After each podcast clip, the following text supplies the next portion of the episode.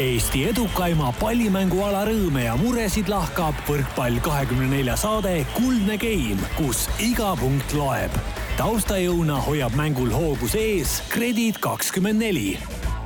puugu tormituuled või koroonaviirus võrkpalliteemalise taskuhäälingu saate Kuldne Game tegijad on kolmapäeval, kahe tuhande kahekümnenda aasta üheteistkümnendal märtsil Nõmmel Manta majas taas kokku saanud, et tunni jagu oma meelisalast juttu puhuda. saates löövad täna on oma sõnade ja mõtetega kaasa neli meest. kõigepealt ütleb Karin Aldo tere mehele, kellele maitseb piivo, sest kaugelt Kanaari saartelt peaks meiega liitunud olema Rivo. tere, Rivo! tere! Äh, meil on hommikust hommikust, kell on kümme, kui me seda saadet täna kolmapäeval lindistame, meil sai vahepeal sinuga aasta täis seda saadet, aga Rivo, ma ei näinud lilli, ma ei näinud kommikarpe, kas sedasi sa tähistadki tähtsaid hetki oma elus oma lähedaste inimestega? Karl, sa oled mees, ära ole, ära, ära heidestu, ära heidestu praegu. aga no ikka mingi, ei no ilusad sõnad või mingi rannavõrkpall oma autogrammiga või midagi ilusat. sportauto. jah, näite-, oh, jah, Venemaa koondise, mis sa oled saanud sealt paljude medalite eest üks, üks nendest autod. vana Volga. ühe koma kahe, ühe koma kahe liitrisega vana Volga, kunagi sõitis Taksot. ja mõtle, mis selle hind tänasel päeval on.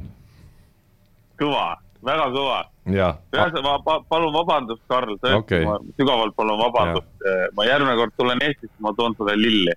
ära too palun, Rivo, ära too lilli ole hea, lepime selle kokku igatahes aasta on täis saanud ja Rivo, sa oled jätkuvalt äh, erksal toonil äh, eetris, ma saan aru, et, et elus läheb hästi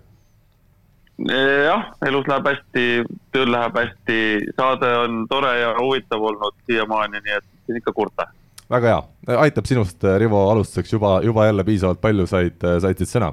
aga nüüd ütleme siis tere meestele, kes mõlemad teenivad leiba Tallinnas, ent väga erinevate meeskondade juures. esiteks, mul on hea meel näha taas kord enda vastas istumas Tallinna Selveri abitreenerit Andres Toobalit, kellest, nii nagu kuulajad on ilmselt isegi läbi hammustanud, on saamas meie saate kolmas alaline nägu. tere ja palju õnne Selverile Grade kakskümmend neli meistriliigas mitmeaastase pausi järel finaalturniirile pääsemise puhul. tere, aitäh Äh, kas vend Gert ikkagi suunab ka sind enne saateid, helistab, loeb sõnad peale, millest täna võiks rääkida, millise nii-öelda tonaalsusega peaks erinevatest võistkondadest rääkima või on selline vaba voli sulle antud? mul on ikka väga, väga vaba, et me nendel teemadel üldse ei räägi. kas Gert kuulab üldse saadet, minu arust ta vist ei kuule, eks? ma ei, isegi ei tea. ma täpselt ei tea jah seda, et äh, võib-olla vahepeal ikka midagi kuulab, aga, aga ei, ei oska jah praegult kommenteerida selge, ja nüüd on siis aeg tulla ka meie tänase saatekülalise juurde, kelleks on Kilingi Nõmmelt pärit TalTechi võrkpallimeeskonna diagonaalründaja, eelmise võrkpallihooaja põhiturniiri suurim punktikütt Mihkel Nuut, tere Mihkel! tervist! Äh, meil on käinud saates tegevmängijaid Saaremaa klubist, Tartust, Pärnust, Selverist, Rakverest, isegi esiliigas äsja viiekümnenda järjestikuse võidu saanud äh, Tallinna Ülikoolist. aga TalTechist oled sa esimene mees, kes on nii-öelda mängijatest äh, stuudios, tõsi, meil on käinud naiskonnast siin lausa mitmel korral inimesi, kas te olete meeskonna sees ka arutanud, et et ilmselt see saade ikkagi boikoteerib neid TalTechi mängijaid või ei ole seda jutuks tulnud veel? ei, seda ei ole kindlasti jutuks tulnud. et ma arvan, et pole järelikult millegist rääkida. selge äh,, mis ma sult nüüd küsin esiteks kohe alustuseks nii teravalt, nagu meil on äh, saates kombeks, äh, kas kaotus Tartu Bigbankil on mehed kuu pealt tagasi maa peale toonud? no ega me kuu peal vahepeal ära ei käinudki tegelikult, et lihtsalt õnnestusime ja, ja järgmised korrektuurid tegi juba Tartu, et seal oli, jõuvahekorrad olid ikka paigas no me jõuame nendest kõikidest seeriatest siin peagi-peagi rääkida, Rivo, alustuseks ma uurin sinult, kui palju nüüd sina jõudsid jälle viimasel nädalal võrkpallilainel olla? Kõigest nii-öelda sellest seonduvalt, mis siin Eesti võrkpallis äh, juhtus? täitsa lainel olin, nii palju kui mänge oli, nii palju jälgisin, et äh, naiste mänge jälgisin natuke ja, ja Tartu ja Tartu TTÜ mänge jälgisin äh,, Selverit üritasin vaadata, aga internet kahjuks ei vedanud välja. nii palju kui nägin, siis mäng oli väga põnev ja käis kõva andmine, et aga jälgisin küll, jah. Aga jaa, meil on tänases saates siis plaanis rääkida põhiliselt kolmel teemal, Eesti-Läti ühisliiga veerandfinaalidest siis meestele, Saaremaa võrkpalliklubi euromängudest Milanoga ja naiste Balti liiga finaalturniirist. Ja alustame siis sellest kõige nii-öelda päevakohasemast, kuna meil on saates külas ikkagi mehed, kes meeste võrkpalli igapäevaselt on seotud, siis võtame ette need veerandfinaalseeriad, mis tänaseks on läbi saanud. Ja esiteks Tallinna Tehnikaülikool, Tartu Bigbank, kuna Mihkel meil siin stuudios on, esimene mäng siis TalTechil üllatuslikult kolm-üks, aga teine ja kolmas mäng Tartule sama tulemusega, Andres, esiteks küsin sinult, kas kas sa oled nõus minuga, et need kaks viimast mängu ikkagi ka üllatavalt palju TalTech, noh, pean silmas just seda viimast mängu eelkõige, suutis Tartule vastupanu osustada? jaa, ei kindlasti, et ähm, mängud olid ju siiski tegelikult päris närvilised ja, ja no oli selge, et et kui Tartu saab oma niisuguse paaripunktilisegi vahe sisse, siis nad mängivad väga kindlalt, aga aga võib-olla ütleme, hooaja esimeses faasis äh, oli nendes game'i lõppudes Tartu vähe kindlam, et siis, äh, siis nüüd praegusel perioodil nad võib-olla ei ole nii, nii kindlad. aga, aga selgelt äh, jah, et TalTech oli, oli päris, päris, päris lähedal, et oleks võinud ka sealt vähemalt viiend-, viiendasse game'i minna Mihkel, ma pean tänama seda võistkonda, mina, nagu ma siin ka enne neid veerandfinaalseeriaid ennustasin, et sealt ma ei näinud väga põnevat seeriat, kokkuvõttes tuli, tuli üks põnevamaid lahinguid äh, just sellest äh, paarist. kuidas need kaks viimast mängu nüüd kokku võtta, olite te oma taseme mängisite välja ja Tartu lõpuks lihtsalt pani paremuse maksma või, või kuidas sa näed neid mänge? no laupäevane mäng oli pigem ikka meie enda häving, et äh, seal me ei saanud seda ühist ühist keelt kuidagi seal väljakul toimima, et ja eksisime ise ka teatud kohtades ikka väga palju, samas pühapäevane mäng juba näitas, et oleme paremini häälestunud ja võib-olla see neljanda game'i lõpp seal Tartu suutis näidata tegelikult rahulikumat või niisugust kindlamat äh, kätt, et kui neil vastuvõtt käes oli, siis üldjuhul ühese ploki vastu nad ründasid ja meie enda rünnakud selle võrra maha ei jäänud, et minu endagi panus seal väga suur ei olnud, et enamus Tartu tegi hea, hea ploki, plokikaitsemängu minu vastu, et seal mul oli ikka, neutraliseeriti ikka täiesti, et kes Tartu meeskonnast oli selline mängija, keda TalTechil kõige raskem pidurdada oli või kellega teil kõige rohkem nii-öelda peavalu oli? ma arvan, et nurgaründajad jätkuvalt, et Albertit on ikka, kui ta oma kõrguse pealt lööb ja kiire tõste, et seal, seal on väga raske teda blokeerida ja Kaibalt suutis ikka ka väga, väga hästi rünnata Märt samuti küll sai vähe mänguaega, kui, kui nagu enda mängu leidis, siis, siis ikka tegi omad asjad ära. Rivo, kas äh, sina nüüd äh, asjatundjana, mida ütleksid sellesama esimese veerandfinaalseeria kohta, milliseid märkusi sinul äh, siin tekkis? no TTÜ või tegi põnevaks selle jah, nagu sa mainisid. kahjuks teises-kolmandas mängus noh, ei vedanud lõpuni välja, et võib-olla ma ei tea, Mihkel kindlasti oskab paremini kommenteerida, aga võib-olla siis teises mängus oli, oli TTÜ meestel juba see situatsioon või see mõte peas, et oh, et me võimegi võita, et me võime edasi saada, et võib-olla sealt natuke segama, et äh, oli näha ka, et teine mäng, nagu Mihkel ütles, et teine mäng oli, oli kehvem kui esimene ja kolmas. minu peas äh, noh, ei saaks ära tehnilise poole pealt nii suurt ärakukkumist olla, on ju, et, et kui siis psühholoogiline, psühholoogiline pool on see, kus kust võib see langus tulla. noh, teine muidugi ka see, et Tartu peale esimest mängu tegi omad korrektuurid, hakkas rohkem vaatama mingeid mehi ja, ja, ja mängis võib-olla taktiliselt paremini, et äh, Karl, nagu ka sina, siis, siis mina ootasin ka sellest paarist just kõige igavamat veerandfinaali, aga, aga näed, kujunes kõige põnevam ja selle üle on ainult hea meel no Mihkel, vastame siis Rivo küsimusele, mis seal teises mängus võis saatuslikuks saada, et te nii kindlalt selle mängu kaotasite, kas oli seda natukene, et juba hakkasite mõtlema võidu peale ja kuidagi tulid mingid pinged peale või lihtsalt too mäng ei õnnestunud? kindlasti oli ka seda, et me nägimegi ja mõtlesimegi, et me lähme ja võidame ja panime võib-olla endale liiga suured pinged peale ja tahtsime liiga palju, et nad suutsid ikka omad omad korrektuurid sellest pühapäevasest mängust nii hästi teha, et ega ka neid asju, mis meil õnnestus pühapäeval, neid õnnestunud enam laupäeval ja ja võib-olla ka see, et me ei suutnudki saada neid nagu rütmist välja kordagi, mida me suutsime võib-olla Tallinnas, et samamoodi kui nad natuke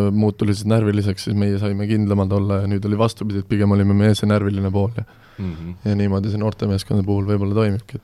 Üks nimi, mille ma tahaks välja tuua, on Jörgen Vanamõisa, kas sa oled minuga nõus, et Jörgen on olnud äh, väga varjus? Ühtpidi, temporündajad ongi tihti varjus, aga, aga tema on, ütleme, TalTechi mängijatest täna kõige rohkem edasi läinud ja temast võiks siin paar sõna rääkida?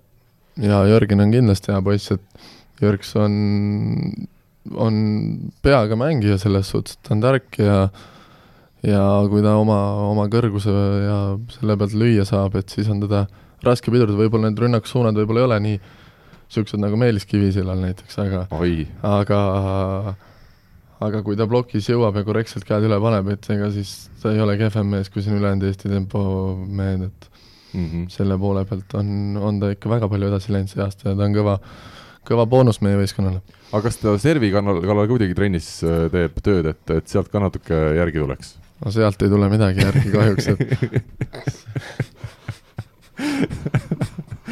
nii, et seal on, seal on ta eluaeg vist sellist servi löönud, et sellega me, me ei, me ei vaevugi teda, et las ta Mhm. paneb oma head servid, nii kuidas tal see õnnestub. need on need hetked, kui ma vaatan Jörgenit servima, siis ma mõtlen, et aga ka Rahvaliigast võiksin mina oma jalad maas serviga vahel, vahel täitsa tulla ja ja ei oleks ka häbi, aga kindlasti. optimisti prillid on sul ees, mul on niisugune tunne, et aga tegelikult Jörgen on hästi mänginud, Andres, sina jälle sidemängijana oskad võib-olla temporündajat ka hinnata hästi, on ta, on ta hea mees Eesti tasemel, on tal nii-öelda lootust ka võib-olla tugevamatesse klubidesse pääseda? jaa, kindlasti on, et äh, pärast seda aastat äh, nüüd eriti, et äh, ma miskipärast arvan küll, et mingeid pakkumusi tuleb ja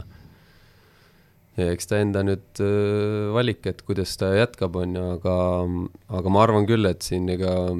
Eestis neid, eks on noori küll, niisuguseid, kes tuleb, aga, aga kes juba on mingi teatud kogemusega ka selles liigas, et ega neid väga palju ei ole, et, et siin jah, kindlasti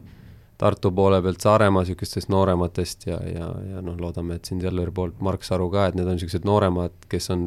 tõesti juba natukene juba midagi näidanud, et eks ähm, eks nende, nende turg on siin niisugune, läheb jah, niisuguseks no mingiks väikseks pakkumiseks ikka, ma arvan. mm. -hmm. Rivo, kas sina üldse tead sellist meest nagu Jörgen Vanamõisa tean küll, olen näinud, ja oled kuulnud temast nii mõndagi head? olen jah täitsa tipp-topp äh, mängumees on, selle servi koha pealt ma ütlen nii, et, et servi koha, serviga tuleb lihtsalt teha tööd ja teha konkreetselt äh, ühte suunda suunatud tööd, et siis küll see serv ka välja hakkab tulema, et seal võiks äh, treenerid äh, natukene, natukene rohkem äh, keskenduda sellele ja, ja vaadata, mida ta teeb ja kuidas ta teeb ja võib-olla filmida ja seda servitehnikat, et kuidas ta käsi liigub, ülesvisked, kõik asjad, et äh, et ma, ma usun, et see servi koha pealt mina ütlen nii palju, et nii palju, kui mina olen no, noorte mängijatega tööd teinud, serviga, servi paremaks saamiseks on vaja servida ja hästi palju servida. korrigeerida natuke asju ja saab hakkama küll, et äh, meil siin paar poissi ei suutnud üldse servida, planeerivad, hüppelt planeerivad servi alguses neli-viis kuud tööd äh, ülepäevaselt ja, ja praegu panevad normaalselt. Ei, seda kindlasti ma siin, siinkohal ka veel, et, et see on nii-öelda individuaalsport, et seda saad ise, ise juba nii palju edasi aidata ja, ja kui on tõesti keegi kõrval, kes, kes annab häid, häid nõuandeid, siis see on niisugune asi, millega saab väga palju, väga palju edasi minna, et, et nõustun Rivoga no Jörgenile soovime siin palju edu siis ja Miikel, ma tulen sinu enda juurde, eelmine hooaeg, nagu saate alguses sai öeldud, sa olid võiduturniiri kõige suurem punktikütt. Esmalt alustame sellest, kui suur üllatus eelmisel hooajal sul endal oli, et sa sellise punktisumma lõpus kogusid ja, ja ükski teine mees nii palju ei saanudki kokku? no eks ta ikka üllatus oli, et ma ei osanud hooaja eel nagu miskit sellist oodata, et ma nüüd suudan nii palju punkte lüüa, aga mis su enda selline eesmärk võis olla üldse seda enne seda eelmist hooaega, oli sul midagi mõeldud, et kus sa võiksid punktiliselt olla või, või mida sa võiksid teha? ei no eks ma enda peas ikka mõtlesin, et iga, iga hooaeg ju, mis ma mängin, paremaks saada. Eks ma sain kaks korda päevas trenni teha võrreldes ka selle aastaga, mis on kindlasti võib-olla puudu jäänud, et ja saime hea klapi Eermaga kohe algusest terve hooaja vältel, et ja võib-olla ka ma olen selline mängija, kellel kui palju tõsteid tuleb ja õnnestub, siis, siis jääbki nagu, siis on hea tunne minna, aga kui nagu tekib mõõn, siis mõnes mõttes tekib see kukkumine ja kui vähe tõsteid saad, ega siis ei ole nagu mängus sees ka kogu aeg. Sa vastasid juba eelmisele küsimusele sisuliselt ära, ma tahtsin küsida, et miks tänavune hooaeg on, ütleme, ebastabiilsem olnud, kas siis peamiselt võibki olla see, et sina oled lihtsalt teinud äh, vähem trenni kui eelmisel hooajal? kindlasti üks asi on ka see ja teine asi võib-olla, et äh, just see trennides see kokkumängu pool ei olnud jube vaevaliselt see aasta tulnud, et küll olen mina vararünnakul sees ja küll on teistpidi jälle kehvasti seal miskit, et eks me oleme selle nimel kõvasti vaeva näinud ja tööd teinud ja mõni, mõni päev ja mäng on õnnestunud see ja teine mäng jälle näitab, et ei ole nagu üldse võimalik, et see mees ei peakski seal väljakul olema, et no niimoodi, niimoodi on see kujunenud kahjuks see aasta, jah ma ütlen vahele raadiokuulajatele, raadio on selline huvitav formaat, et samal ajal kui Mihkel praegu vastas, siis Andres hakkas midagi ehitama siin nurgas, ma ei ta-, saanudki täpselt aru, kas sul lendas midagi pikali või millega sa tegelesid. tool, tool segab. tool segab, aga Mihkel, kui me räägime tänavusest hooajast veel TalTechi osas laiemalt, oskad sa öelda, millest see, ütleme, selline kõikumine TalTechil võis tekkida, kui me hooaja algus vaatasime, siis tundus, et sealt võib tulla väga ilus hooaeg, aga siis tekkis mingil hetkel ikkagi väga suur ärakukkumine, kus tuli järjest palju suuri kaotusi no mingi hetk oligi meil see periood, kus iga, iga väljakul olev mees suutis öelda teisele mehele, et mida sa, mida sina pead paremini tegema ja ja mida nurgamees ütleb sidemängijale, kuidas tema nagu tõstma peab või vastupidi, et seal oli nagu hästi palju see sisekliima, sisekliima nagu töötas sellele asjale niivõrd palju vastu. ja eks see oligi, ka võib-olla ei tulnud seal treenerite poolt seda nii-öelda konkreetset käiku niivõrd, niivõrd varasemas staadiumis, et see jäi nagunii hooaja lõppu ja ma arvan, et see, meie ise sellest august niimoodi välja ei suutnudki tulla, et mäng täiesti, tundus täiesti normaalne, niimoodi peabki asjad minema, aga tegelikult mm. ei, tegelikult ei oleks pidanud nii minema mida teile siis sellel nii-öelda koosolekul räägiti, mis pärast seda Pärnu kaotust veebruarikuus tuli, äh, mida need klubijuhid saavad teha sel hetk, sellisel hetkel, et ütleme ikkagi vähemalt mängupilti vaadates suutsite, suutsite lühikese ajaga jälle mängima hakata? no eks meil oli seal kriisikoosolek ja no pisiasju ma lahkama ei hakka, aga aga eks iga mehele pandi ka nagu öeldi, et et siin ei ole nagu, iga mees peab vaatama peeglisse, et tuleb teha omad järeldused ja et sellisel kujul no see asi ei, see asi ei täida seda eesmärki ja kes ei taha põhimõtteliselt, et te ei pea siin olema ja noh, see on, ma arvan, et see oli nagu õige, õige käik mõnes mõttes, aga see juhtus lihtsalt niivõrd palju hiljem, et mm -hmm. see jäi hooaja lõppu. selge Äh, kas see, et sina pidid kaptenipaela üle andma Tamur Viidalepale, see kuidagi käis sedasi mõnusalt, seal ei olnud mingit sellist suurt konflikti, jah? ega me enne seda ei teadnudki, et seda alles seal öeldi ja ma arvan, et minu enda seisukohalt ei ole see üldse nagu tähtis, kas olen mina või olen see Tammur, et mm. seda nägid nagu treenerid paremini ja ja võib-olla mul ongi nüüd lihtsam mängida ka, ma ei pea seal treenerite mingeid ootusi nagu selles suhtes, ma saan rohkem mängule keskenduda, et varasemalt oli küll meil jagelemist ka Janisega, et mida just pean mina seal veel rohkem tegema väljakul ja noh, niisugused, ja siis sa tegeled ka mitme muu asjaga ja see mõnes mõttes võib-olla töötas vastu mulle. kas Tammur on, ütleme ikkagi põhjus, miks ta kapteniks ka võib-olla pandi, et ta on natukene tasakaalukam kui ütleme sina, ta tundub väljakul selline natuke rahulikum tüüp või? ta oli ka tegelikult juba eelmine aasta nii-öelda abikapten meil võistkonnas, et äh, ta on, ta on rahulik ja ta suudab ka öelda äh, otsekohaselt nagu selles suhtes välja kellelegi, kui talle miski ei meeldi ja mm. ja ma arvan, et ta on täiesti õige valik.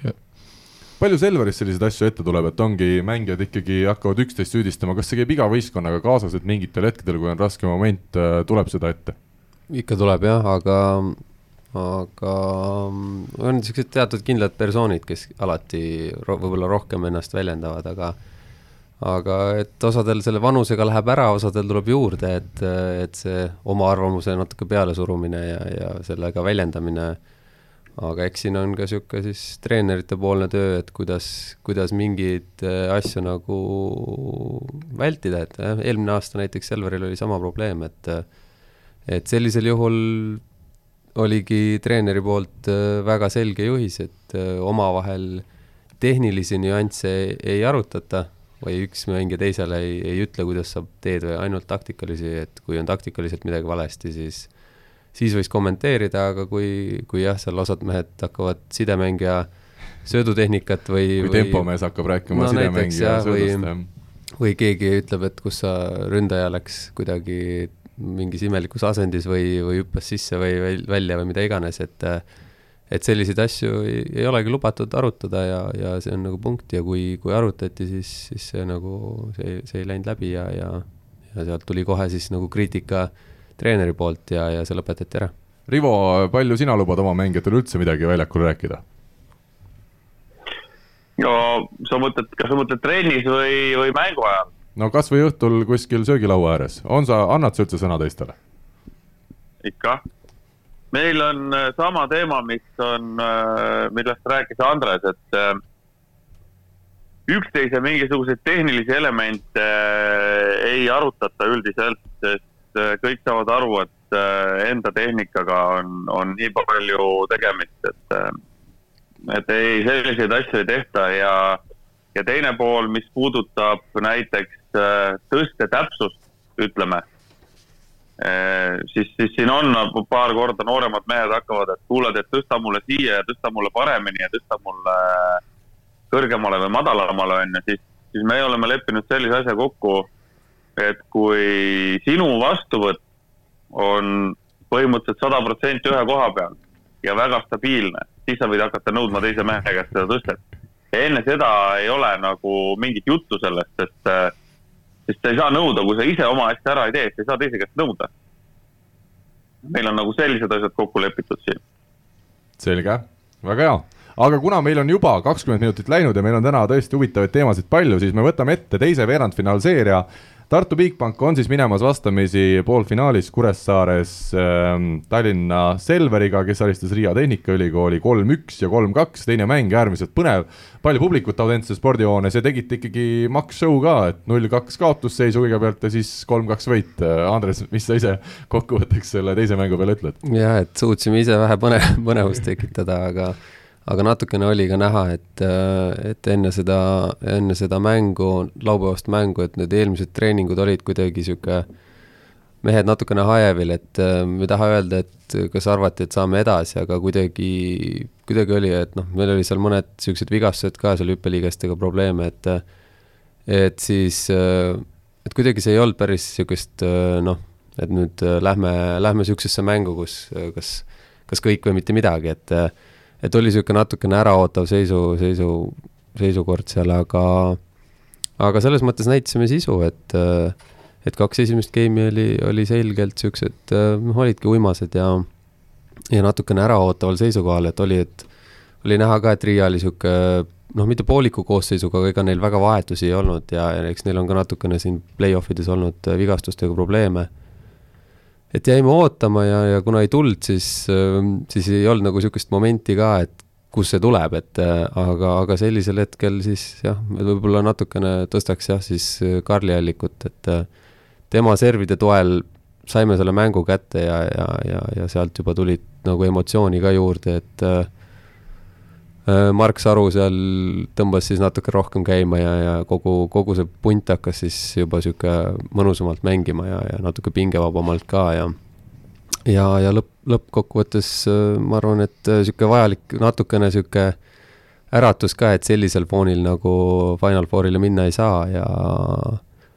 aga samas näitas ka seda, et, et me oleme nagu võimelised rasketest olukordadest välja tulema no me jätkame samal teemal, kui me juba Jörgen Varamõisast ja Alex Saaremaast rääkisime, siis võtame veel ühe temporündaja, Mark Saru, keskkooli poiss veel ju tegelikult ja nüüd siis tagasi võrkpalli mängimas, ole hea, räägi, mis temast siis nii hea mängija juba tänasel päeval teeb, et ütleme, kui siin Mihkel Varblane ja Reimo Rannar jagasid selles teises mängus mänguaega, siis Mark Saru pani algusest lõpuni. Äh jah, eelmine aasta, kui ta, kui ta liitus äh, võistkonnaga, siis, siis ta sai, kas tal oli vist äkki novembris või, või kuskil sealkandis on sünnipäev, siis ta sai kuusteist ja siis me naersime, et ta võib äh, energiajooki minna ostma poodi, et, et aga, aga, aga tõesti, et äh, selles mõttes niisugune ähm, natuke uskumatu mängija, et pool aastat pole midagi teinud ja tuleb, tuleb esimesse trenni ja ründab nagu reaalselt võistkonna parimana tempodest, et et et äh, tal on seda annet kõvasti ja, ja, ja nüüd on vaja seda püsivust natuke juurde saada, et ta nagu jätkaks, et äh, et rünnakul, rünnakul väga hea, plokis natuke veel vaja juurde ja, ja taktikalist poolt ka, aga aga tõesti jah, niisugune natukene noh, meenutab natukene Ardo Kreeki, et niisugune äh, ka tuleb ja teeb ja emotsionaalne ja,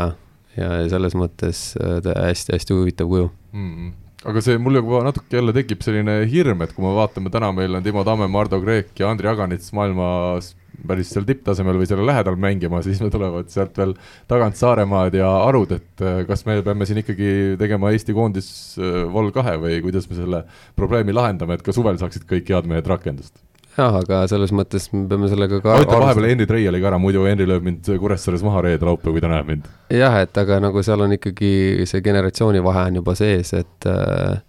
et ühed mehed on seal kakskümmend viis ja pluss, et, et või veel vanemad, et siis äh, siis Marks on praegult kaheksateist saam-, on. eks äh, nii, seitseteist vist oli, kui sa ütlesid, et ta eelmise hooaja alguses sai kuusteist siis. just, et, äh, et siis, siis tema need sellised hiilgeajad ju võiksid alles tulla sellisel hetkel, kui, kui need mehed on juba nagu üle mängitud või et, äh, et ma ei näe selles nagu mingit probleemi, et, et see näitab just seda, et järelkasvu on ja ja et siis, kui see põlvkondade vahetus uus peaks tulema, siis võiks juba olla kedagi võtta. Rivo, sinult ka uurime Selveri kohta, mis sa arvad, millised nende võimalused siin finaalturniiril on, kui vastu tuleb just Tartu? Nagu ma eelmine kord juba ütlesin, siis mina arvan, et Selver teeb väikese üllatuse siin äh, finaalturniiril, ma ei tea, miks. mingisugune kõhutunne ütleb seda, et äh, Selver, Selver valmistab väikese üllatuse. väikese, mitte suure siis, Rivo. väike üllatus on see, et sa oled Tartu vastu kaks geimi väikese üllatuse, eks meil ole näha siis, kui väike see tuleb või suur. aga, aga mis on, äh, mis siin seesama veerandfinaal ka on ju. Äh, Andres ütles väga õigesti, et võib-olla natuke selline äratuskell oli see esimesed kaks geimi, mis äh, pani võistkonda mõtlema ka, et, et midagi kergelt ei tule ja, ja, ja pingutama peab ja, ja näitas ka Selveri võistkonna sisu, et suudavad rasketel hetkedel ka mängida ootan huviga seda, seda Final Fouri, et mis nüüd siis saama hakkab seal. Mihkel, kuna sina oled teise Tallinna klubi esindaja siin, Andres vist eelmises saates ütles, et ega TalTechi ja Selveri mängijad ikkagi omavahel on alati sedasi väga sõbralikult läbi saanud, siis räägi mulle sellest sise, siseelust ka, kas siis on Selveri vastu mingi selline konkreetne vimm või kuna on teine pealinna klubi, et siis peab alati neile just ära panema? no eks see ikka kahe Tallinna klubi rivaal, rivaalitsemine ole ja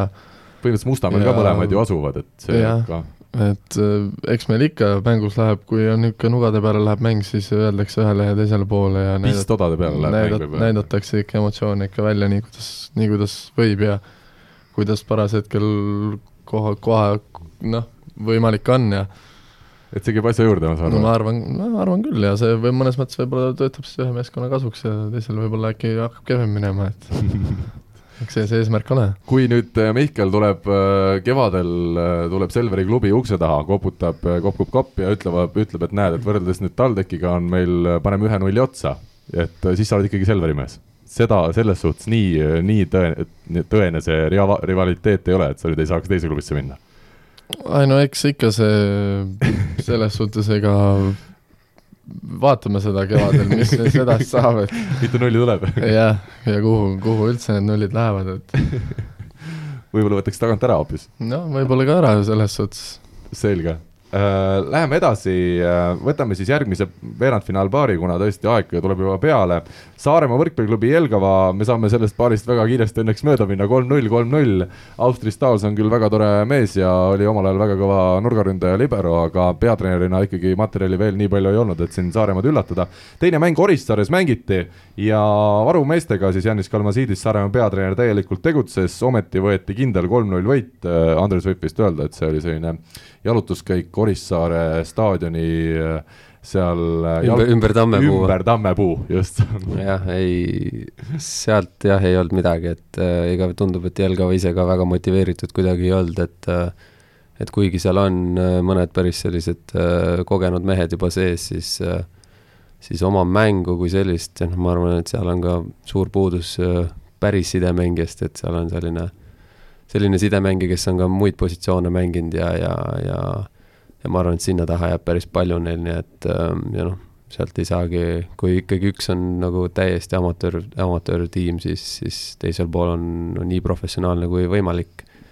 et siis, siis ei ole ka probleemi nii-öelda vahetusmängijatega see, need mängud ära mängida. no ja vahetusmehed, tuletame ikkagi kuulajatele meelde, on kõik mängijad, kes on mingites klubides olnud ka põhimehed, et selles suhtes ei ole tegu päris sellise mahla, mahlamütside satsiga, kui need no täpselt, et kui sa juba oled professionaal, siis, siis üldjuhul siis, siis või, võiks äh, nende vastu ikkagi asja ära korraldada normaalselt. Mihkel, kas äh, sa oled nõus, et Saaremaa võrkpalliklubi on ikkagi ainus favoriit sellel finaalturniiril, et näed sa teistel üldse võimalust siin? Küsin päris provotseerivalt, teades, et Andres samal ajal istub mul siin vastas Selveri võistkonna liikmena. eks ikka on võimalus, nagu oli Rakverel see võimalus, kui nad tulid Balti liiga võitjaks, et seal oleneb ju ühest mängust ainult asi ja kui Saaremaa näitab nii mängu, nagu nad on nüüd viimasel paar mängu teinud, et siis on tõesti raske nende vastu ja selle peatreeneri vahetusega nende mäng on ikka tõsiselt palju paremaks läinud ja tunduvad, et kui nad hakkavad oma, oma mängu mängima, siis on ikka, tõesti ei ole vahet, kelle vastu nad seda mängu mängivad, et siis nad on üle teistest, ma arvan. aga no, loodame, et ei lähe nii ühekülgselt see asi. loodame ja ma võtan kohe Rivo liinile, suur üllatus, äh, Selveri suur poolehoidja, Rivo, ole hea, räägi, kas, äh, kas Selverile saab see hooaeg äh, siin Balti liigas keegi vastu või, või Saaremaal ikkagi võimalust ei ole sinu lemmikklubi vastu? no ma ei ütleks, et Selver on mu lemmikklubi. Nüüd on hilja juba, nüüd on hilja juba, selle, selle nimetuse sa oled saanud. ma ütlen, ma ütlen eelmine saade ka, ma ei tea, miks mul on selline tunne, aga, aga mul selline tunne on. aga ma arvan, et, et kui nüüd Saaremaa kõikide eelduste kohaselt peaks sinna finaali saama, siis äh, finaalist kerge ei ole, et et ka karikafinaal, kus riputati juba Saaremaale medalid kaela, näitas ilusasti ära, et, et sealt midagi lihtsalt ei tule, et mm. et, et nii on ja, ja veel kord ütlen, et ootan huviga nüüd nädalavahetusel siis, on see nädalavahetus, eks ju? on, on, reede-laupäev. jah, jah, nädalavahetusel toimuvat äh, finaalturniiri ja veel kord, nagu ütlesin ka eelmine euromängude ajal, minge Saaremaale vaatama turniiri mm. -hmm. No, minge on... sinna, seal on spa, seal on ilusad äh, kohad, kus käia Aa, ja võrkpall. ahah, ahah, mis seal veel on, Rivo, oled sa, tundub, et sa oled täitsa kursis selle saarega ja seal on äh, see Kuressaare linnus on väga tore koht, kus on väga tore muuseum, seda saab külastada mängude vahepeal. sina käid alati, kui sa Kuressaares käid, sa käid alati, ma tean sellest äh, Kuressaare linnusest läbi jälle, vaatad muuseumis, teed tuuri ja siis lähed saali. kusjuures, Karl, sa teed nalja, aga nii on. Nii harva, kui ma sinna satun, siis ma seal käin ära, et see on tõesti tore koht, mulle väga meeldib ajalugu ja mm -hmm. nii et, äh, et jah, Saaremaal on teha küll ja veel minge vaadake võrkpalli ja, ja nautige Kuressaare linna väga ilusti öeldud, äh, reklaamminutid Rivo esituses on saanud läbi ja läheme neljanda veerandfinaalpaari juurde, Jekapil Zeluži siis ainsa mitte Eesti klubina tänavu Grade kakskümmend neli meistriliigas äh, finaalturniirile pääses. avageim, äh, avamäng Pärnu vastu kolm-null ja teine kolm-üks. Andres, ole hea, tee selline lühikokkuvõte, mida me Jekapilsi puhul peame kõige rohkem kartma siin poolfinaalis? No nendel on väga, väga ühtne võistkond, nad on juba mitmendat hooaega koos mänginud ja, ja nad äh, väga suuri kõikumisi ja kukkumisi neil ei ole, et äh, et äh, seal on neil ka niisugune emotsionaalne, juba treener on päris emotsionaalne, et kui nad, kui nad niisuguse hea emotsiooni saavad sisse, siis nad on päris pidurdamatud ja, ja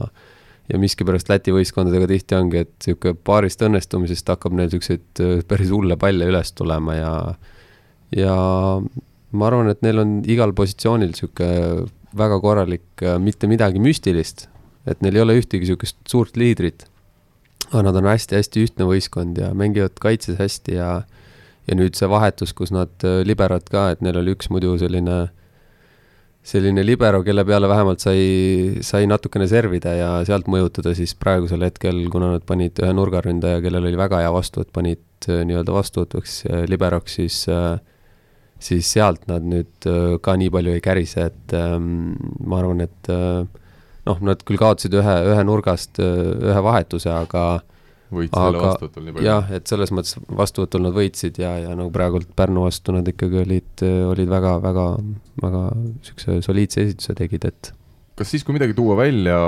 ma olen vaadanud neid temporündajaid, vist Vladislav Splumbergs ja kas teine oli Sigurd Sadamovitš, et need on nagu no ütleme, võrreldes teiste võistkondadega on nende selline tähtsus punktide toomisel natukene suurem, palju saadakse blokke, üsna palju läheb temposse tõsteid. jaa, sidemängija meeldib, meeldib sinna keskele lasta ja nad on, on päris korralikult realiseerinud ka ja, ja see on nagu niisugune kui neil vastuvõtt on käes, siis, siis nad on igal juhul, sidemäng on juba piisavalt hea tasemega, et,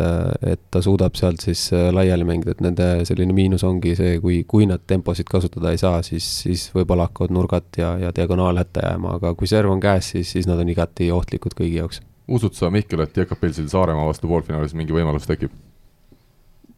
mingi võimalus vast tekib, aga väga, väga suurel määral ma arvan, et nad ikkagi tulevad kaotajana sellest võitlusest välja. Ja Rivo, sina, vana Läti sõber, kuidas sulle see paar tundub? Saaremaa võtab siit kindla võida võidu, et äh, jah, Pärnu vastu tegi Ekapils päris normaalse mängu või hea mängu, aga ma arvan, et Saaremaal on, on seda võimu täna rohkem kui Pärnul ja, ja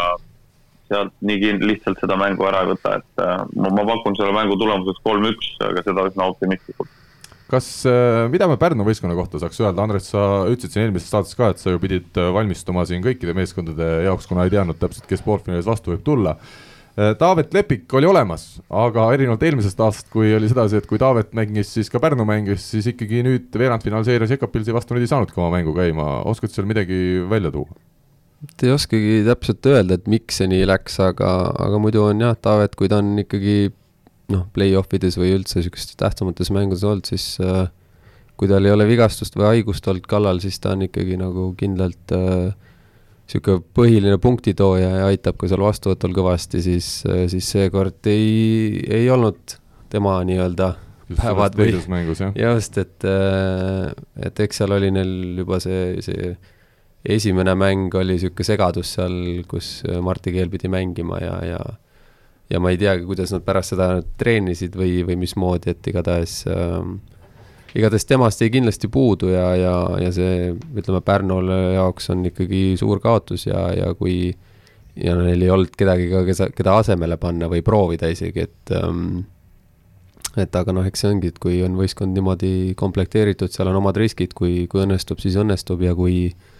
kui ei õnnestu, siis, siis no tõenäoliselt tulemus on selline, jah. Aavo Keel äh, oli sisuliselt kogu elu seal finaalturniiris istunud ja nüüd ma ei tea, kus ta selle finaalturniiri ajal istub, igatahes väga huvitav olukord.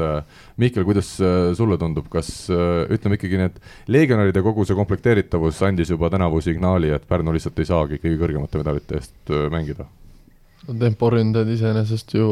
nime järgi ja mänguoskuste järgi võiks olla korralikud ja aga Jekapilsi vastu vist ei, kumbki ei õnnestunud nii hästi, kui nad oleks tahtnud ja ja neil on terve hooaeg olnud häda nende nurgaründajatega pigem ja eks see diagonaal on ka nüüd hooaja lõpuks on paremaks läinud, aga aga ei ole ka ikka niisuguse panusega, nagu oli see Brasiilia, Brasiilia, Brasiilia poiss, jah. et äh, eks neil on raske kindlasti ja kui kui ei saagi korralikku trenni teha ja pole võib-olla kõiki nurgaründajaid terved, no eks siis mi-, millist trenni sa saad läbi viia saad üldse mm, -hmm. et eks meilgi selliseid trenne on palju olnud ja ja ega see tulemus ongi võib-olla vastav. Selge, aga läheme siit edasi, meil on ees ootamas teema nimega Saaremaa võrkpalliklubi euromängud.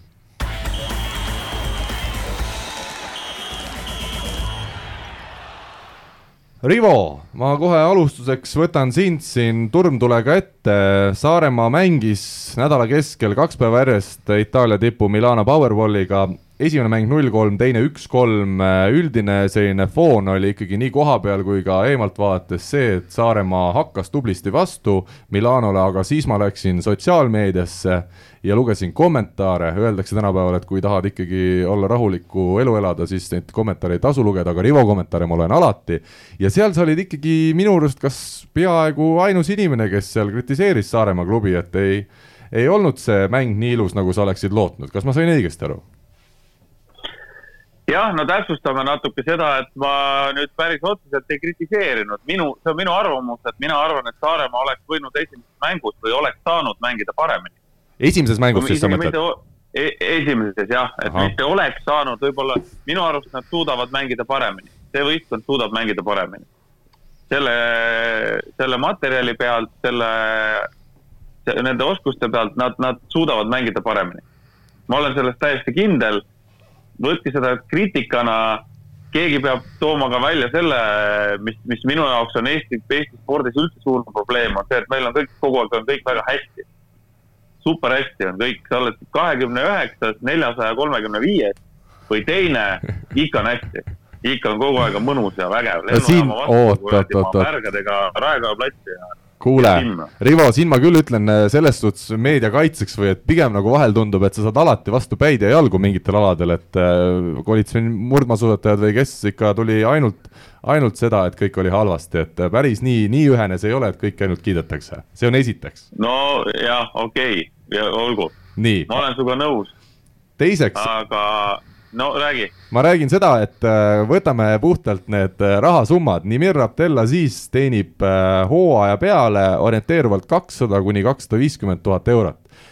see on võrdne sellega, mis on umbes võrdne sellega, mis Saaremaa võrkpalliklubi kõik mängijad kokku saavad aasta peale. kas, kas, kas siit nagu on meil üldse mõtet loota, et nüüd Saaremaa läheb ja, ja lööb selle Milano piukse põrmuks või? ma, ma ei räägi üldse rahast ja ma ei räägi sellest, et Saaremaa peaks Äh, lööma pihuste põrmu mm. -hmm. aga seal oli väga palju selliseid hetki minu jaoks, kus Saaremaa oleks suutnud mängida korrektsemalt, oleks äh, suutnud teha oma asjad ära paremini, kasutada oma variante, kus neil oli võimalus võtta kahe, kolme, nelja punktist edu sisse juba. oleks võinud neid ära kasutada paremini, kus nad eksisid. Need on need kohad, mis on minu jaoks,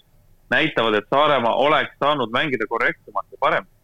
mitte see, kui palju kellegi palka, mis see seis seal jäi, palju seal midagi oli, see ei loe absoluutselt, ma ei räägi sellest, et Saaremaa oleks võtnud ära seal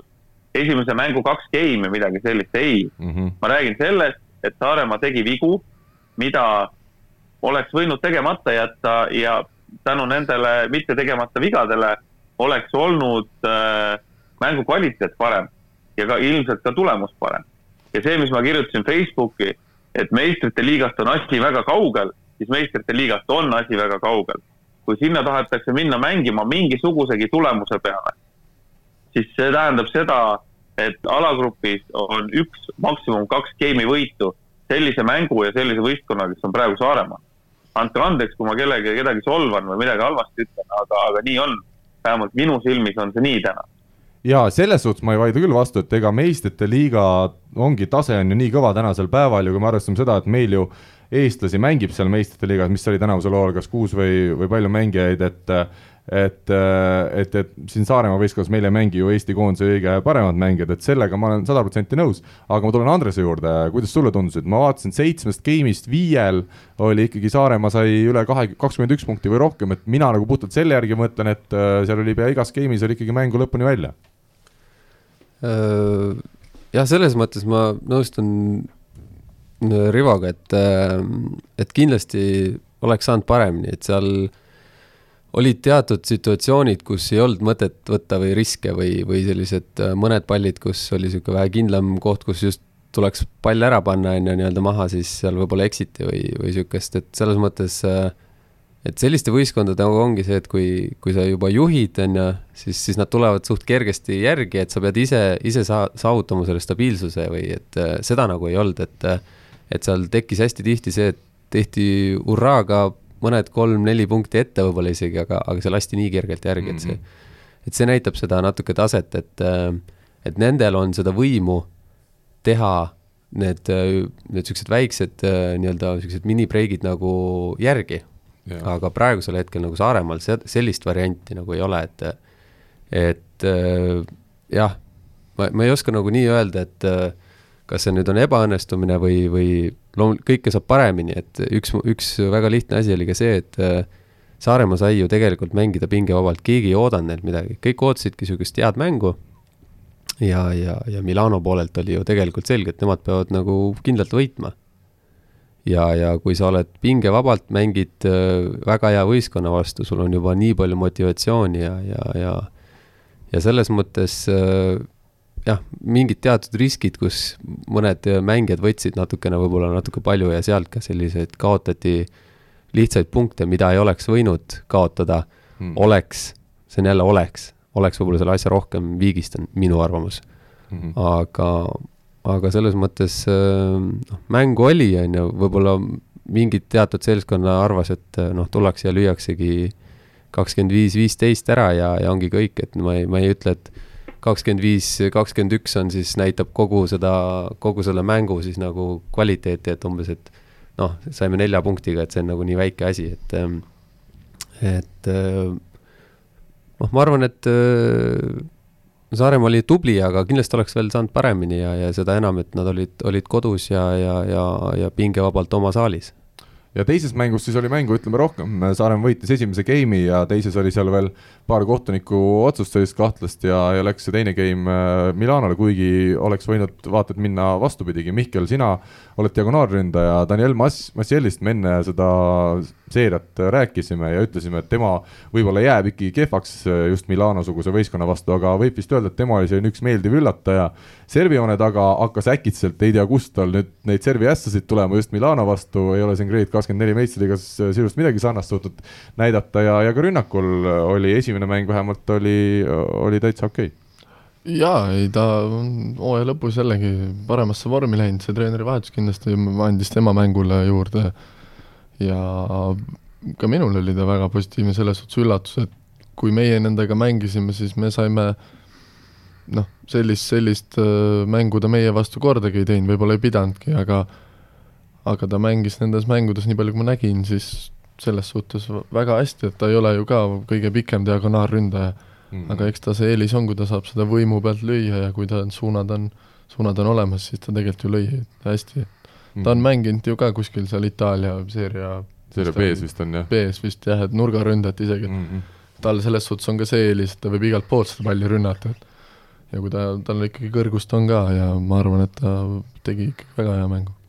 no ma olen siin saanud juba natukene kriitikat sellega seoses, et ma ainult Saaremaa võistkonda kajastangi, aga ma kõigile nendele kritiseerijatele, kes siis reeglina tulevad konkureerivatest klubidest, ütlen nii palju, et äh, et tulge ja tehke, jõudke ka CEF Challenge Cupis veerandfinaali, küll ma siis, küll me siis oma portaalis kajastame teid ka ja kokkuvõttes ma tahaks jõuda selleni, kui siin töisemalt rääkida. et see, et Saaremaa võrkpalliklubi ikkagi Eesti klubi võrkpalli ka on tõstnud kõrgemale, ma arvan, see on üldiselt tähtis mitte ainult Saaremaa võrkpalliklubile, vaid Tartu Bigbankile, Pärnu võrkpalliklubile, Tallinna Selverile, TalTechile, et see klubi võrkpall ikkagi natukene rohkem hakkab ka tavainimesi huvitama just läbi selliste suurte mängude ju tegelikult see üldine huvi kasvab. ja kindlasti üks asi on see, et kui kui, kui nüüd ütleme Itaalia, Itaalia võistkond, ma ei tea, kas nendeni jõudis äh, meie liigamänge ka, et eks nad ikkagi tegid, tegid eeltööd ja, ja, ja saadetakse ja vahetatakse omavahel videosid, siis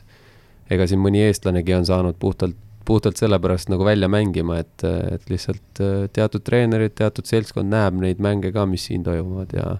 et selles mõttes igati positiivne, positiivne asi ja lihtsalt, mis, mis selle äh, mis selle meediakajastusega, mis on Rivoga tõesti nagu, et noh, et kõik ei ole positiivne, et võiks nagu siis tuua välja mingid siuksed äh, kindlad nagu asjad, mida saaks paremaks teha, mitte isegi negatiivselt, et me olime nii ja nii halvad, vaid et äh, kus ja mis, mis nüansid on veel puudu ja, ja neid, äh, nende, nendega tuleb tööd teha sellega olen nõus äh, ja kui me vaatame juba siin finaalturniirile vastu, samal ajal kui Rivol hakkavad vaikselt juba Oleg ja Vjatšeslav äh, uksest sisse tulema, et tahavad trenni minna, siis äh, kui juba nädala keskel oli mõlemal mängul tuhat kolmsada inimest, siis mulle tundub, et see nädalavahetus läheb see Kuressaare spordihoone ilmselt lõhki, kuna Grade kakskümmend neli meistriliiga finaalturniir toimub ja reede-laupäeval siis mängupäevad natukene tavainimestele soodsamatel nii-öelda siis päevadel ja, ja et Eesti võistkondi on ka rohkem, siis ma usun, et sealt tuleb üks, üks meeletu pidu. Rivo, ma saan aru, sind ikkagi Kuressaares ei ole see nädalavahetus? Nädalavahetus? no mind ei ole Kuressaares jah, mina olen eh, siin veel ja siis sõidame siit Mehhikosse, et äh, aga Kuressaarde soovitan taas veel kord minna ja, ja, ja head võrkpallipidu teile sinna Eestisse Kas.... üritan jälgida Ürit... interneti kaudu. ürita, kas nüüd on sinul, Rivo, aeg minna, sa täna meiega naistest vist rääkida ei taha? või on sul veel aega? ei taha rääkida, ei ole mul aega kahjuks, mul, ma pean poole kümnest kohaliku aja järgi trennis olema mm. -hmm. ja, ja aga ja kahjuks ma pean minema. aga sel juhul äh, meil oli siin naistepäev ka, ole hea, Rivo, sul on, äh, sul on äh, seda teadmist naiste valdkonnast palju, ole hea, ütle midagi ilusat vähemalt siin selle saate osa lõpetuseks, et me saame siis juba naiste teemaga ilusti jätkata. Deep Clover on väga ilus asi väga hea, Rivo. naiste selle..., kas sa tahad naistele ja. midagi, kallid naised. väga suurt ja palju õnne teile möödunud naistepäeva puhul ja kindlasti ka hästi palju raha siis tuleb õige mees valida lihtsalt, Rivo, jah? jaa. aitäh sulle, Rivo, oli meeldiv, tore on lõpetada ja sellisel noodil sinuga. ja head saate lõppu. ja meie läheme siit edasi järgmise rubriigiga küsimusmängu toetaja on teamshield.com oma disainiga spordi ja vaba aja riided enne veel, kui me jõuame hakata siis naistest rääkima pikemalt, äh, võtame ette küsimusmängu ja eelmisel nädalal siis küsisime ennustust, äh, uurisime, mitu geimi mängivad omavahel nädalavahetusel Tartu Bigbank ja TalTech ja õige vastus oli siis kaheksa. ja toon siin välja ka ühe vastaja, Karl Stamm, Tallinna Tehnikaülikooli meeskonna libero, pakkus viis. nii et väga enesekindel, ilmselt eeldas, et äh, tuleb see teine mäng kolm-kaks ära ja olete finaalturniiril, aga Mihkel, nii ei läinud no kahjuks mitte, aga aga hea pakkumine? aga ma tean, et Jörgen vist pakkus isegi kolm-null meile, et no ma ei hakanud üldse jaburaid vastuseid, ma ei hakanud välja tooma ei, Rivo ju pakkus ka kuus kuni kaheksa. Rivo ei jaga lihtsalt, aa, selles suhtes ta läks lõpuks pihta ikkagi. tal läks pihta ikkagi, aga mm. no eks eeldada oli ka, et ega see nii lihtsalt ei tule seal võõrsil, et selles mm. suhtes väga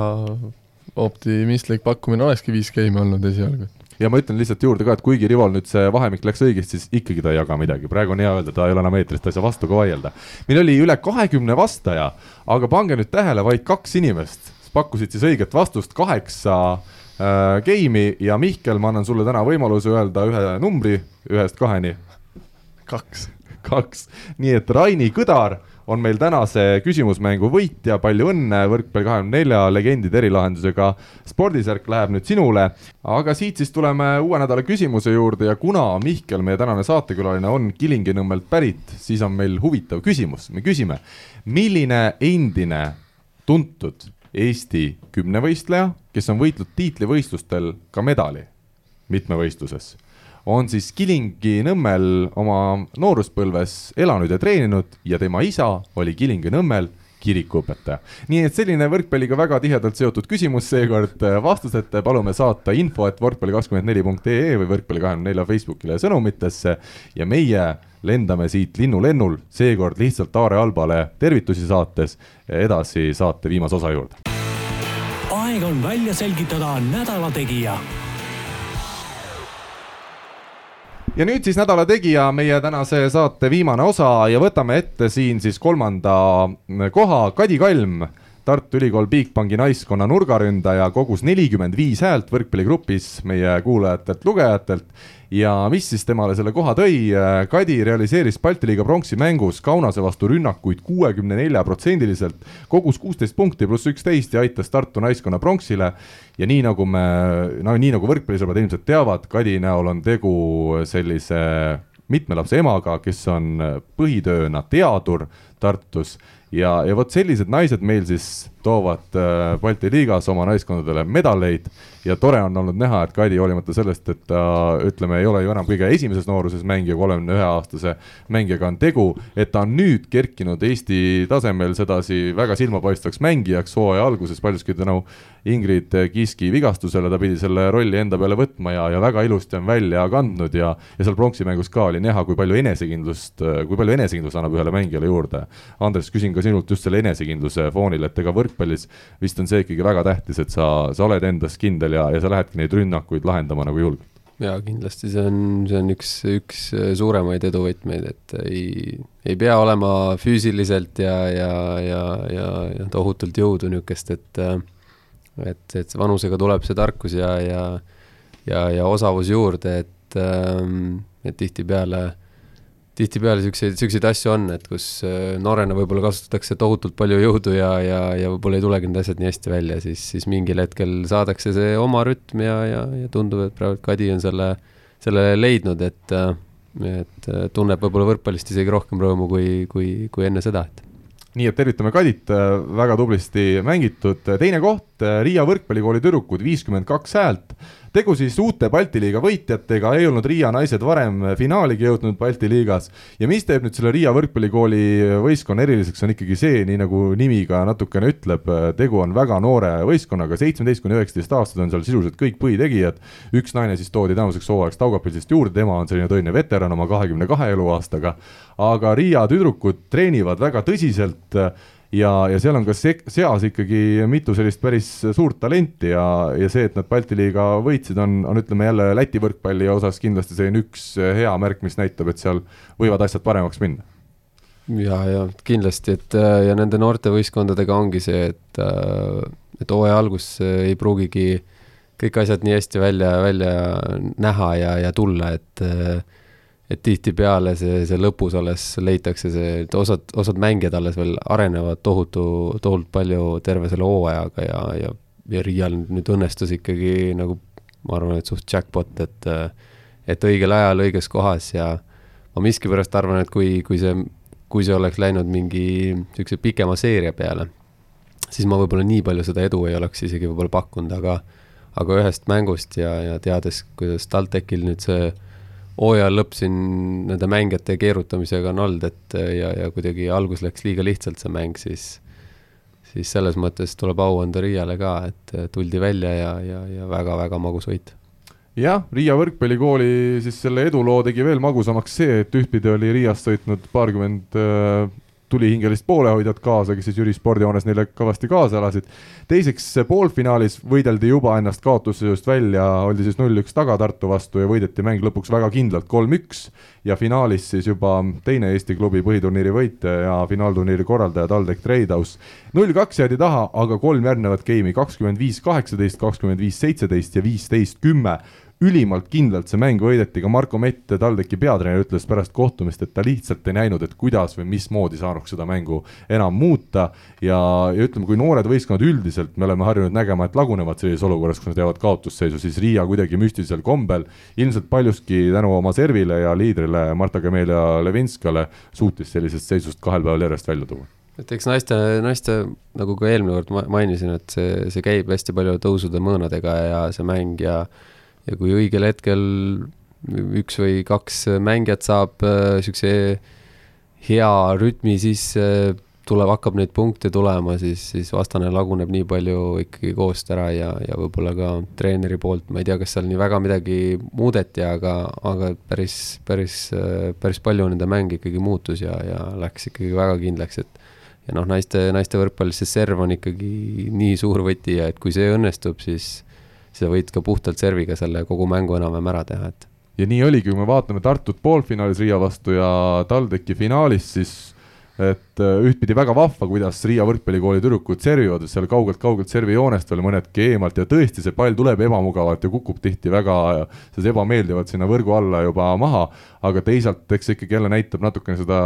kogu liiga amatöörset taset ka, et meil ühtegi profi võistkonda, ühtegi profimängijat ei, ei ole ja, ja ütleme, Tartu ja TalTechi peale kokku siis nende Riia vastu mängudes ei olnud ühtegi sellist vastuvõtvat mängijat, kes oleks väga kindel olnud servi vastuvõtul, et seal Riia naised sisuliselt võisid servida ükskõik kuhu poole, kas keskele, vasakule, paremale ja ikka olid, olid vastased hädas. aga kui nüüd midagi jälle positiivset välja tuua, siis minu arust see finaal, kus äh, olid vastamisi siis ütleme meie poolelt liidritena Kadi Kullergan, Liis Kullergan ja, ja vastastel siis juba mainitud Marta Kamelia Levinska, siis see, kui Liis ja Kadi olid seal seal nelja peal plokis ja Levinska ründas ühe või kahe pealt,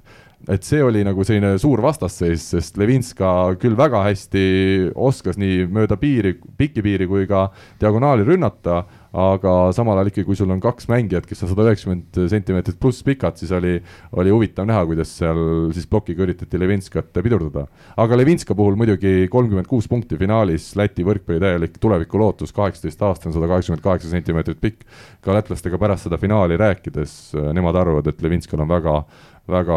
suur, suur karjäär ees ootamas ja, ja küsimus on, kas ta läheb järgmine või ülejärgmine aasta välismaale, aga aga sellist talenti vist täna võib isegi öelda, et meil Eestis naiste võrkpallis vähemalt äh, näha ei ole, et, et see on, see on midagi sellist juba erilisemat. jah, et eks see oleks ka seal finaalturniiril nii-öelda siis avaldunud, et kui mm., kui meil oleks kedagi sellist, aga, aga eks, äh, eks siin on olnud ja, ja võib-olla tuleb, tuleb mõne aasta pärast, et äh, eks seda nüüd nagu paistab ja eks see oleneb ka päris palju äh, nii-öelda natukene materjalist, aga treenerite tööst ka ja ja eks võib-olla Mihkel näeb rohkem seal TalTechis, et et kuidas, kuidas see seis seal naiste võrkpalliga on, et kui palju trenne tehakse ja, ja, ja mis tasemel, mis tasemel see käsi käib? palju teil on su suhtlust, ütleme, naiskonnaga, kui palju te olete seotud omavahel? Ei puutugi sisuliselt kokku, et nende trennid ei kattu, kuigi nad on vahest kohati kõrvalsaalis seal, et ega me ei, tegelikult ei näe ju, mis nemad teevad ja mis, mis meie teeme seal, et et ei ole üldse kursis, kusjuures üldse, kui, kuidas nad on mänginud ja ma ei näinud ka neid, väga neid nädalavahetuse mänge, et aga Facebookis mingit ühist gruppi teil ei ole, TalTechi mehed ja naised, kus sedasi sotsiaalne ei ole, aga meil on ikkagi iga aasta on olnud ühisüritus olemas selles et ikka tutvute vahepeal? jah mm, -hmm, et äh, selle poole pealt on küll kõik hästi, et aga mis me siis äh, ütleme veel, äh, TalTechi poolel ikkagi esimene finaali jõudmine läbi ajaloo klubi naiskonnale ja, ja Tartule siis äh, neljas aasta järjest medal, küll mitte siis kaheaastase vahe järel enam nad finaali ei pääsenud. Eesti meistrivõistlustel otsustav faas ootab ees ja vaadates praegu tõesti seda, et TalTech on natukene kehvemaks jäänud ja ka Liis Kullergan nüüd ikkagi on, äh, paistab, et klubist äh, lahkumas pärast seda, kui ta siin natukene aega mängis, siis, siis ütleme, Tartu ja TalTechis Eesti meistrivõistluste finaalseeria, juhul kui Audentes siin suur üllatust ei tee võiks tulla küll tänavusel hooajal tõesti selline hea maiuspala, kus on vähemalt palju põnevust. ja et äh, just oligi selle Final Fouriga seonduvalt ka siis esimene, kui see Tartu kaotas, äh, siis, äh, siis mul oli niisugune, et, et, et huvitav, et noh, et, et justkui nad oleksid võinud, või selline tunne oli vähemalt enne Final Fouri, et noh, et see on suht Eesti, Eesti-sisene niisugune otsustamine, aga aga selles mõttes päris niisugune huvitav pööre pööre ja, ja, ja noh, nüüd ütleme TalTechi poole pealt jah, võib-olla kui keegi seal veel ära, ära läheb, et, et Liis siin näiteks, siis siis ma arvan, et see, see saab päris, päris põnev olema, sest see tase on nüüd nagu nii palju kuidagi ühtlustunud, et et võib-olla tõesti, kui, kui jah, tõesti Audentse noored nüüd mingi väga suure üllatusega hakkama ei saa, aga aga ma ei, julgen kahelda kusjuures mina julgen isegi natuke seda mõtet siin äh, kedrata, et. Äh, jah, kuigi viimased paari mängu ma nägin äh,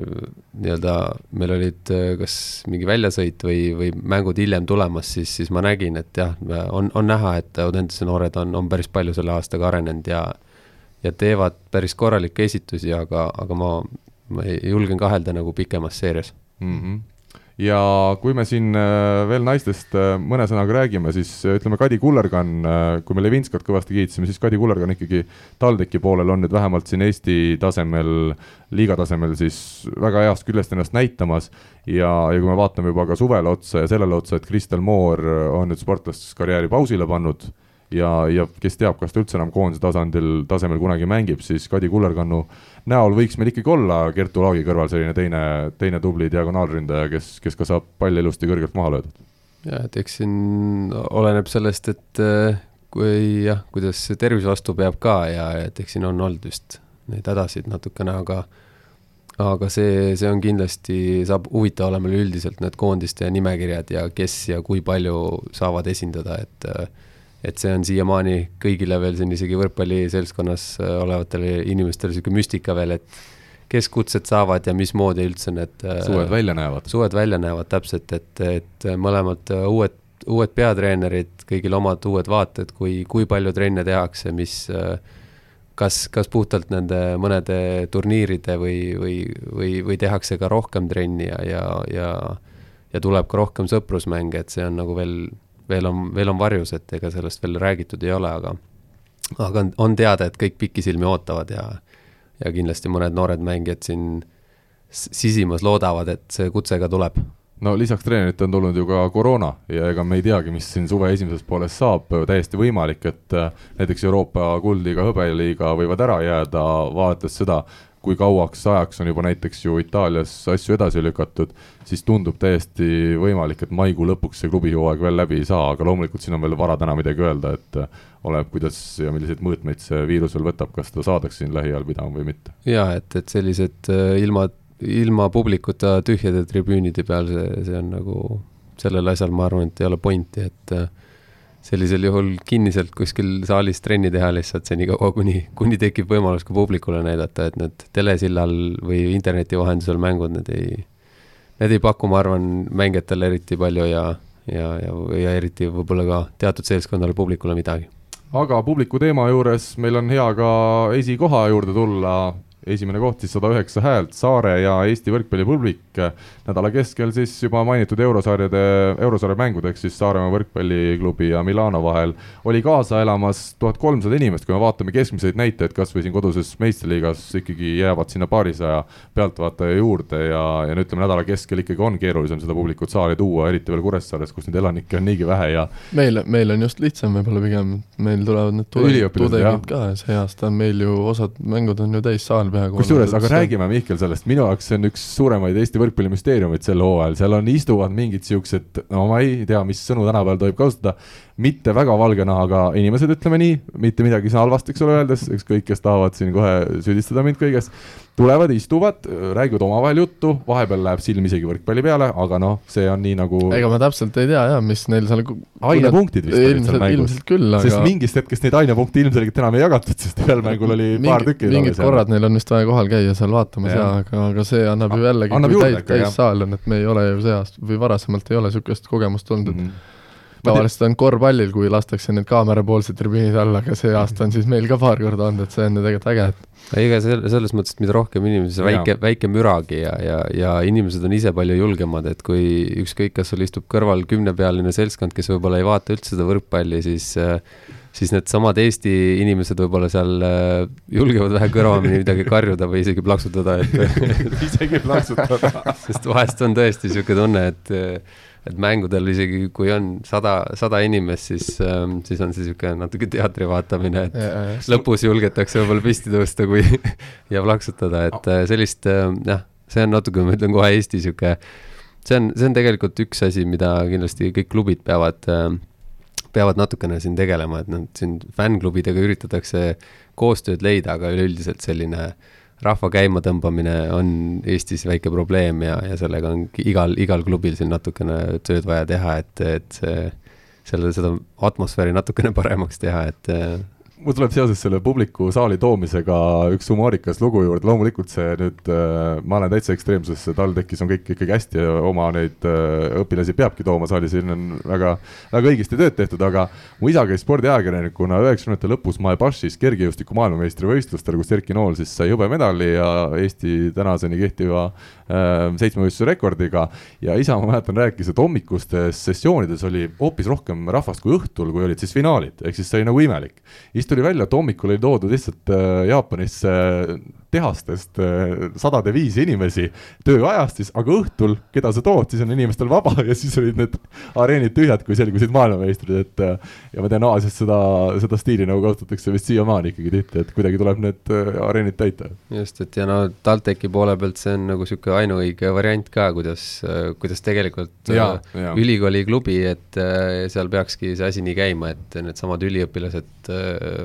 peakski, peaksid ja võiksidki kogu aeg käia, et mm. -hmm ja tegelikult on see paremaks läinud, ütleme korvpalli osas on eriti hea mu arust juba väga tuleb, kõva. tuleb ikka seda muud rahvast ka nagu ja. seal üliõpilasi, ma ei tea, kui palju käib, aga meil on, ma olen rohkem märganud, meil on üliõpilastega, Kossu käib üldse rohkem vaatamas mm -hmm. ja ja see on nagu, seal on alati peaaegu täis maja, et aga jah, vaadates, kui palju on nii suures ülikoolis, eks ole, õpilasi, et kui sa sealt tuhandete seast saad kas või noh, kümme protsenti või viis protsenti kätte, et siis sul olekski see saal täis, et kindlasti see on ka asi jah, kus Eestis tasub nagu natukene panustada, et vaatame välismaal, kas või USA-s, kui hästi on USA ülikoolid ära ennast ära sidunud nende võistkondadega ja milline atmosfäär ja milline melu seal käib, et sealt kindlasti on natukene nii-öelda meil ka võtta veel rohkem šnitti. jaa, kindlasti õppida on, õppida on sealt kõvasti, jah aga finaalturniir on siis meid ees ootamas, Mihkel, kas Janis Sirerpuuga oled rääkinud, et teil on ikkagi reede-laupäeva õhtu trennidest vaba ja saad kohale minna? Ei, meil kahjuks reede õhtul vaba ei ole, et meil on meil valmistume järgmiste nädala mängudeks ah,, et selge. Selverile on ju vaja hambaid näidata ja võita neid korraga vähemalt, et ja Pärnut me läheme kindlasti võitma, et kuidas vaatas Eesti liiga, ma pole nii kaugele ausalt öeldes vaadanudki, meil on, eks ole, tulemas äh, üks veerandfinaal. vahegrupp on. vahegrupp jah, veerandfinaale kui selliseid ei olegi üldse, mängitakse ainult ühe korra läbi. kodus võõrsil, et meie mängime Selverit kodus ja võõrsil Pärnuga, et ja meil on siis äh, võõrsil sedasi on see lahendatud, jah? et selline huvitav, huvitav süsteem, et äh, ainult jah, selles mõttes, et Eesti meistrivõistluste jaoks nagu on jah, päris keeruliseks see nagu selles mõttes aetud, et lihtne, aga, aga, aga väga liht-, väga lihtne ka välja kukkuda, et äh, saad kaks mängu tappa ja oledki, tappa ja oledki hooaeg läbi, et et selles mõttes jah, saab huvitav olema, et ega siin mängus on väga palju aga kuna me juba sellisest asjast räägime, et meil need viis võistkonda on, siis ma lõpetuseks tooksin veel esile Tallinna Ülikooli võrkpallimeeskonna, kes siis esiliigas tõesti on viiskümmend mängu järjest võitnud juba. Argo Oraku juhtimisel igas mõttes, on ta siis peatreener ja on ta ka kõiki positsioone seal tänavusel hooajal mänginud. kas veerandfinaalis kasvõi näiteks Tallinna Ülikooli toomine mängu annaks, annaks mingi efekti juurde? Või on see taseme vahe? võib-olla annaks, aga kas nad mängijad ise nagu tahaksid, et äh, kui ma, nad teevad nad... kaks korda nädalas trenni üldjuhul esiliigas, siis kas nad äh, sellises vanuses, mida vähem teed, seda parem jah. oled, seda värskemana säilid. ka õige. eks seda lihtsalt on, ma arvan, selle nii-öelda süsteemi sisse toomine on natukene keeruline, et mis, mida siis jah, et mis, mida nad edasi teevad, et kui, kui nad veerandfinaalist edasi ei saa, siis äh, siis kas nad mängivad edasi esiliigat või, või kui nad saaksid äh, poolfinaali näiteks, et siis mis siis edasi, et kas mm -hmm. nad siis äh, noh, et see, see on lihtsalt kahe sellise liiga vahel pendeldada on nagu natuke keeruline, jah. aga kuidas nende tase hetkel tundub sulle, arvestades seda, et seal sellised mehed nagu Sander Steinbergid äh, näiteks on? ma olen isegi mõnda mängu näinud, aga, aga sellist hetke, kui neil oleks nagu kogu võistkond koos, seda ei, hetke ei ole näinud. see on ainult mul... reede õhtuti siis, kui need äh, vabaüritused on, ma arvan. no tõenäoliselt siis küll. ei puudu keegi. siis, siis on, siis, siis on kõik kohal, aga, aga jah, ma, ma arvan, et kui kõik mehed on, on korras ja, ja kohal ja, ja ja, ja, ja vormis, et siis siis ega nad võivad vastu hakata küll, et ja. ega selles mõttes ei ole, ei ole midagi, et et me tegelikult mängisime nendega hooaja alguses. ja Saaremaa mängis ka nendega? tegime, mhm. tegime ja. nendega mingi treeningmänge. meil oli vist mänge. isegi ka mingid treeningmängud nendega. jah, et, et selles mõttes, ega nad said seal, seal vastu küll, et, et selles mõttes ei ole, ei ole midagi, et kõik on ju, mehed on tegelikult ju meistriliigas olnud või kas just põhirolli mänginud, aga, aga, aga on olnud ja ega seal, kui nad tulevad sellise hurraaga peale ja neil on täitsa suva, et siis, siis võib asju hakata juhtuma küll. no vot aeg on see saade kokku võtta, üle tunni me saime asju arutada ja, ja ma usun, et meid on tõesti järjekordne huvitav nädal võrkpalli sees ootamas, reede ja laupäev siis Kuressaares. kõik võrkpallisõbrad soovitan kas olla kohapeal või telerite taga. head kommentaatorid ka kindlasti sarnaselt euromängudele on, on pukki pandud. mina tänan teid, Andres ja, ja Mihkel, oli meeldiv, Rivole me juba nägemist ütlesime ja kõigi võrkpallisõpradega kohtume siis uuesti nädala pärast. aitäh nägemist! Eesti kõige põnevamad podcastid on Delfis, kuula tasku.delfi.ee